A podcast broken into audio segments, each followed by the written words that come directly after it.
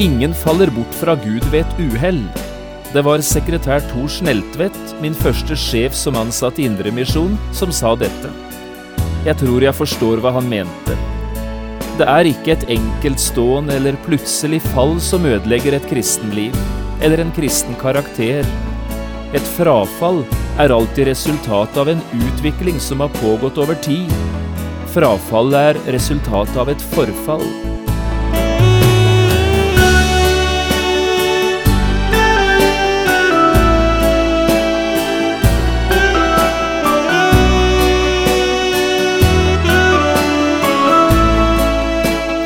Hjertelig velkommen til et nytt program i serien Vindu mot livet. Programmet er produsert av Kristen Riksradio og blir ledet av Jon Hardang. Kristen Riksradio drives av frivillige gaver. Vi er glade for din støtte.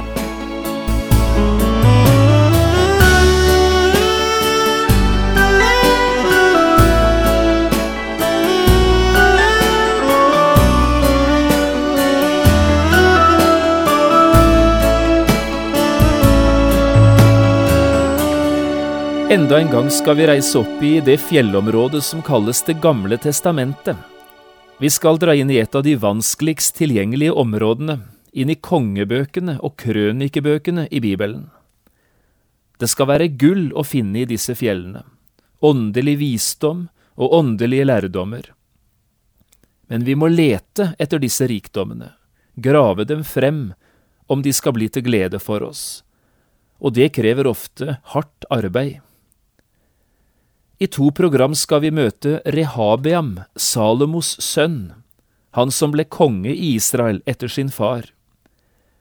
Vi skal lese to korte avsnitt sammen, fra første kongebok 11, vers 42 og 43, og første kongebok 14, vers 21. Jeg har kalt dagens program for Treet som falt. Vi leser. Den tid Salomo var konge i Jerusalem over hele Israel, var 40 år. Så la Salomo seg til hvile hos sine fedre, og ble begravet i sin far Davids stad, og hans sønn Rehabiam ble konge etter ham. Rehabiam, Salomos sønn, var konge i Juda. Han var 41 år gammel da han ble konge, og han regjerte i 17 år i Jerusalem, den by som Herren hadde utvalgt.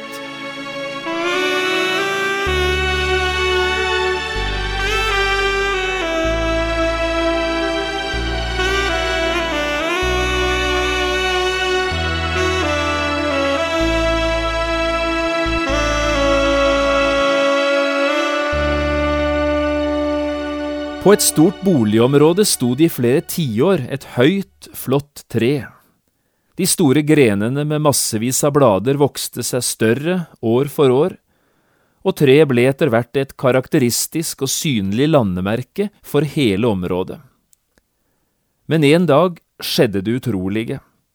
En større del av treet tippet plutselig over ende og traff bakken med et brak. Folk fra nabolaget samlet seg omkring treet og ble stående og stirre, nesten vantro, på treet som lå der. De fleste hadde nok tenkt at dette treet kom til å stå der i lange tider, lenge etter at de som nå bodde på boligområdet, var borte og nye generasjoner hadde flyttet inn. Men plutselig var situasjonen forandret. Her lå den bladrike giganten på bakken, etter et stort og skjebnesvangert fall. Da folk ruslet omkring treet og så litt nøye etter, la de merke til at innenfor barken, i det skjulte, var treet mykt og råttent. Bak de store grenene og de grønne bladene skjulte det seg en sykdom. Den hadde nok vært der i flere år, men ingen hadde sett den, nettopp fordi den lå der i det skjulte. Treet hadde begynt å råtne innenfra. Ved nærmere øyesyn kunne en se at det var en viss forskjell på bladene på den delen av treet som nå var falt ned, og bladene på den andre delen av treet, den som sto igjen. Forskjellen hadde sikkert vært der tidligere òg, men det var først når treet var falt, at en virkelig la merke til forskjellen. Så lenge ingen visste noe om sykdommen, hadde folk bare gått rett forbi. Ingen hadde sett noen forskjell. Å stå slik, ved siden av et stort tre som akkurat har gått i bakken, kan gi deg mange tanker. Én ting er når det er et tre det gjelder. Men hva når det skjer i et menneskeliv? For det kan også skje. Og det er dette vi skal snakke sammen om i dag. Den tragedien som utspiller seg når et kristenliv gradvis begynner å forfalle, og stadig nærmer seg det store, synlige frafallet. Ganske langsomt skjer det, ofte stille og umerkelig, at ting begynner å forandre seg i livet. Og alltid skjer det i det skjulte. En prosess er på gang, der ting gradvis over tid blir brutt ned og ødelagt. Det er en langsom prosess, men hvis den får fortsette, skjer det uten at noen kan se det er galt fatt.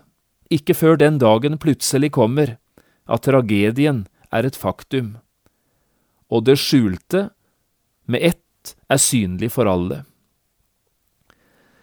Den amerikanske forfatteren Carl Sandberg skrev i sin tid et firebinds verk om Amerikas sannsynligvis største president, Abraham Lincoln. Forfatteren var på leiting etter en overskrift for det kapitlet der han skulle fortelle om attentatet på denne store presidenten i Amerika. En dag kom han over et uttrykk, hentet fra skogsarbeidernes hverdag. Dette uttrykket brukte forfatteren. Et tre kan lettest måles når det ligger nede. Kanskje er dette sant også om et menneskeliv, på godt og på vondt. Et liv kan lettest måles når det ligger nede. Vi er på leiting etter skjulte skatter i kongebøkene og krønikebøkene, her i Det gamle testamentet. Hvis vi går i gang med å lese gjennom disse mange kapitlene, her i de to kongebøkene og de to krønikebøkene, vil vi oppdage en person og en livshistorie som på mange måter ligner på treet vi allerede har fortalt om. Vi møter en person som var høyere plassert enn de fleste, men som falt, og som falt dypt. Jeg tror vi kan gå ut fra at skogsarbeideren har rett. Et tre kan lettest måles når det ligger nede og jeg tror vi kan gå ut fra at dette også gjelder i menneskelivet. Derfor vil vi gå bort til mannen som ligger her etter sitt store fall, og forsøke å se hva vi kan lære av denne mannens livshistorie. Ikke først og fremst for å fokusere på at det gikk galt, men for å få svar på spørsmålet hvorfor gikk det galt. Kongens navn er altså Rehabeam, og denne kongen omtales både i første kongebok og i andre krønikebok. Vi starter i dag med å se litt på røttene hans, altså den arven som mannen bar med seg fra sine forfedre. Og så i neste program vil vi gå videre, se litt på hvordan han regjerte den tid han var konge, og så leite litt etter grunnene som gjorde at det gikk som det gjorde. Vi begynner i første kongebok, i kapittel 11, og skal lese om igjen disse to siste versene i kapittelet, vers 42 og 43. Den tid Salomo var konge i Jerusalem over hele Israel, var 40 år.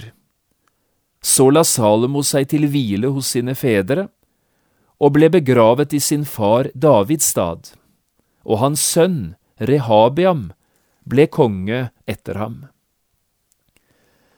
Når vi leser ord som dette, er det ganske sikkert lett å tenke Rehabiam var virkelig heldig. Han fikk en stor og ufattelig rik arv. Tenk å få begynne sitt liv, tenk å vokse opp i skyggen av en far som Salomo. For et privilegium! Salomo var kong Davids store sønn, genial på mer enn én måte. Ikke akkurat noen kriger, som hans far hadde vært det.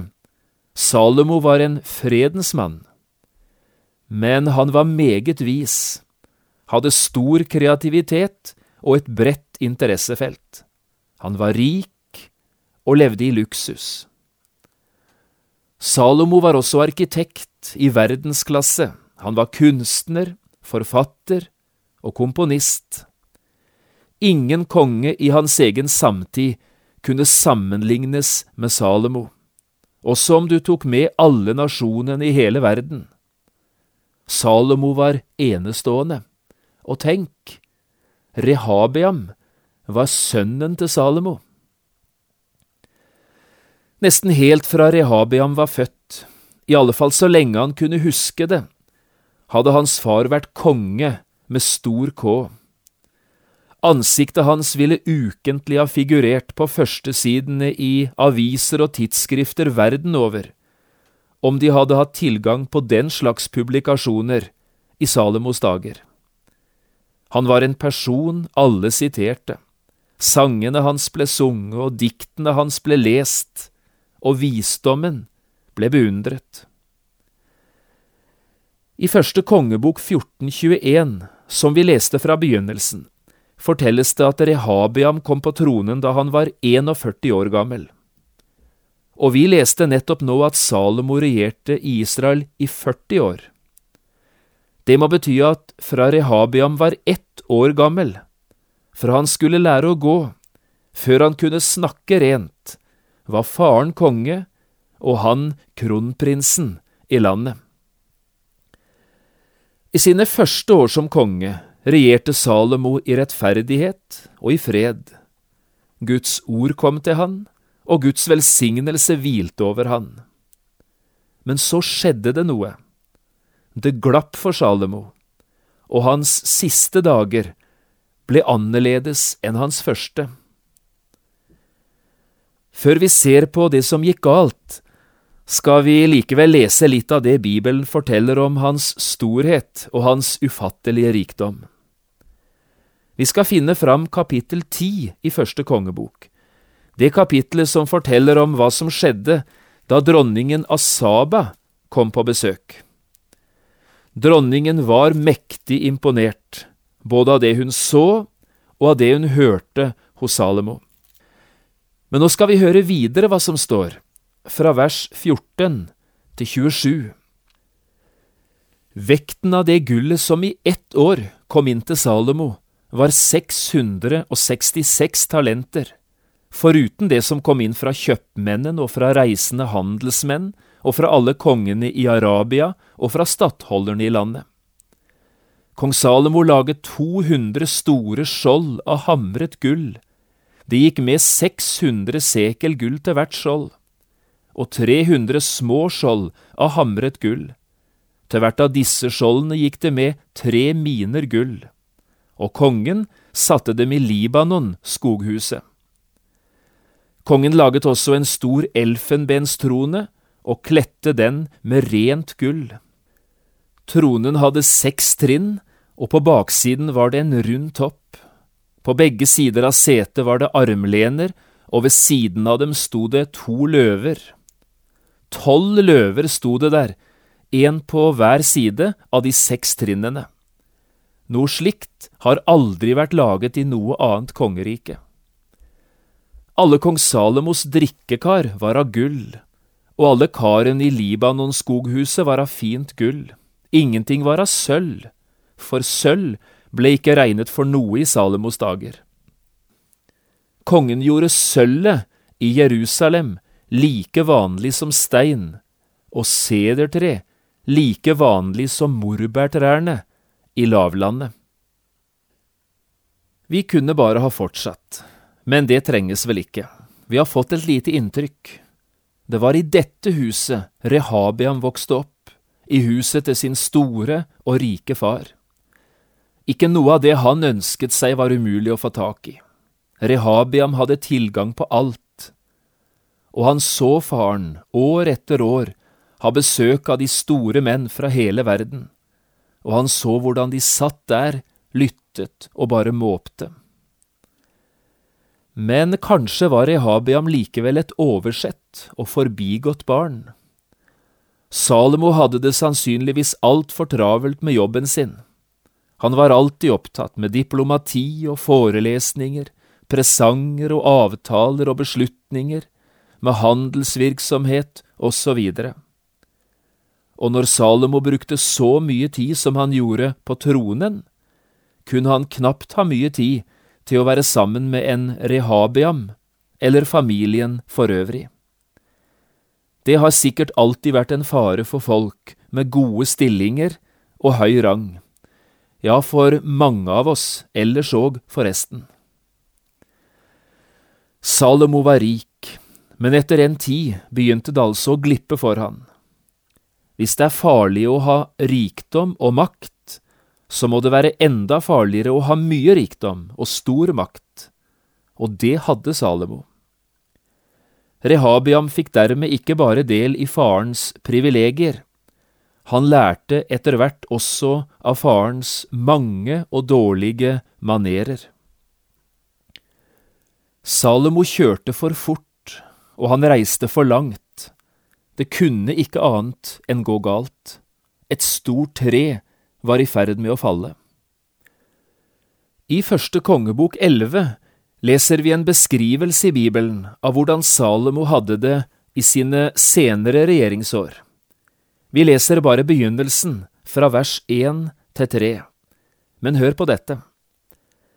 Kong Salomo elsket mange fremmede kvinner foruten faraos datter, moabittiske, ammonittiske, edomittiske, sidonittiske, hetittiske kvinner, av de hedningefolk som Herren hadde talt om og sagt om til Israels barn, dere skal ikke gi dere i lag med dem, de er ikke med dere. Ellers kommer de for visst til å vende hjertene deres til sine guder. Disse kvinnene holdt Salomo seg til, og dem elsket han. Han hadde 700 hustruer av fyrstelig rang og 300 medhustruer. Disse hustruene bøyde hans sinn. Du hørte hva som sto i det siste verset, gjorde du ikke? 700 hustruer og 300 medhustruer. Dette handler ikke om ekteskap. Det handler om et vilt, ustyrlig og lystig liv, der Salomo sikkert prøver å skulle bevise noe for seg selv eller for sine kvinner. Og sammen med disse kvinnene kom avgudene deres, og sammen med avgudene kom barna. En av dem var Rehabiam.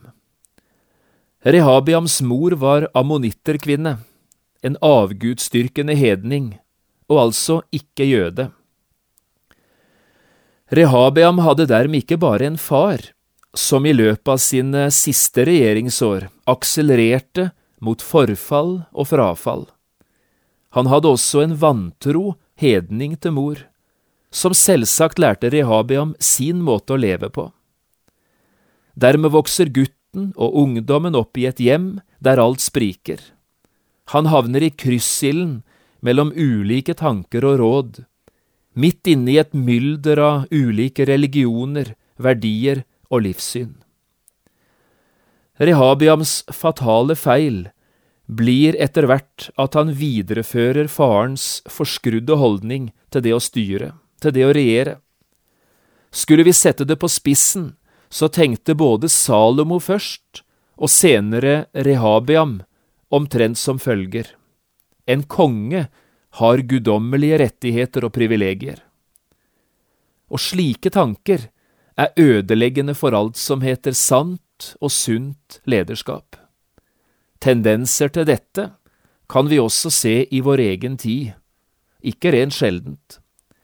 Ledere tenker om seg selv at de fordi de er ledere har helt spesielle rettigheter. Det finnes menighetsledere, prester og predikanter som tror de har det. det finnes presidenter og statsledere som tror de har det, og det finnes ektemenn og familiefedre som tror de innehar spesielle rettigheter i forhold til sine. Og det finnes maktmennesker, psykopater, som tenker og tror på samme måten. Du ser det i måten de behandler sine undersåtter på. Behandlingen de gir sine underordnede, sine menighetsmedlemmer og sin egen familie, ligger helt i nærheten av den behandlingen slavene fikk. Det er tragisk, og det er farlig. Det var en slik oppdragelse Rehabiam fikk, ved sin fars eksempel, og det er slik han begynner å oppføre seg når han selv en dag er blitt konge. Resultatet, det kommer umiddelbart.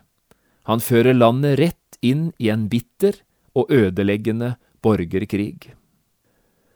Rehabiam fikk aldri lære at den beste lederen er den som prøver å være tjener for andre, den som prøver å tenke jeg er til for at andre skal ha det godt. Dermed gikk det galt for Rehabiam, og enda en gang skjedde det.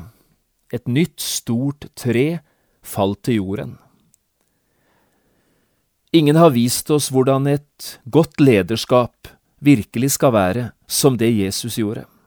Ingen var større enn han, men ingen bøyde seg så dypt ned som han gjorde det. En dag snakket Jesus med sine disipler om det som har med storhet og makt å gjøre.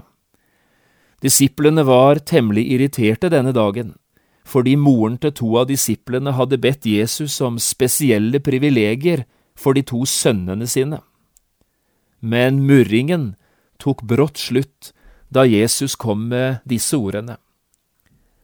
Dere vet at fyrstene hersker over sine folk, og deres stormenn har makt over dem. Slik skal det ikke være blant dere. Den som vil være stor blant dere, han skal være de andres tjener. Og den som vil være den første blant dere, skal være de andres trell. Menneskesønnen er ikke kommet for å la seg tjene, men for selv å tjene, og gi sitt liv til en løsepenge i manges sted. Tenk at vi får lov å ha en slik konge. Tenk at vi skal få følge en slik frelser hver eneste dag. Og tenk om vi våget å praktisere noe av dette i vår hverdag. Så lyst, så godt det da ville bli imellom oss.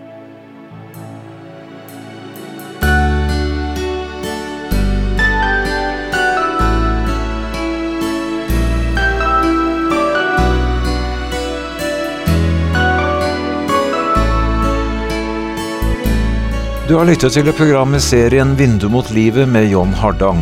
Programmene i denne serien kan også kjøpes på CD fra Kristen Riksradio, eller høres på internett på p7.no. Har du spørsmål eller kommentarer til det du nå har hørt, kan du ta kontakt med oss. Adressen er Kristen Riksradio, Skiene 2, 5353 Straume, eller send en e-post vmlalfakrøll p7.no. Takk for i dag, og på gjenhør.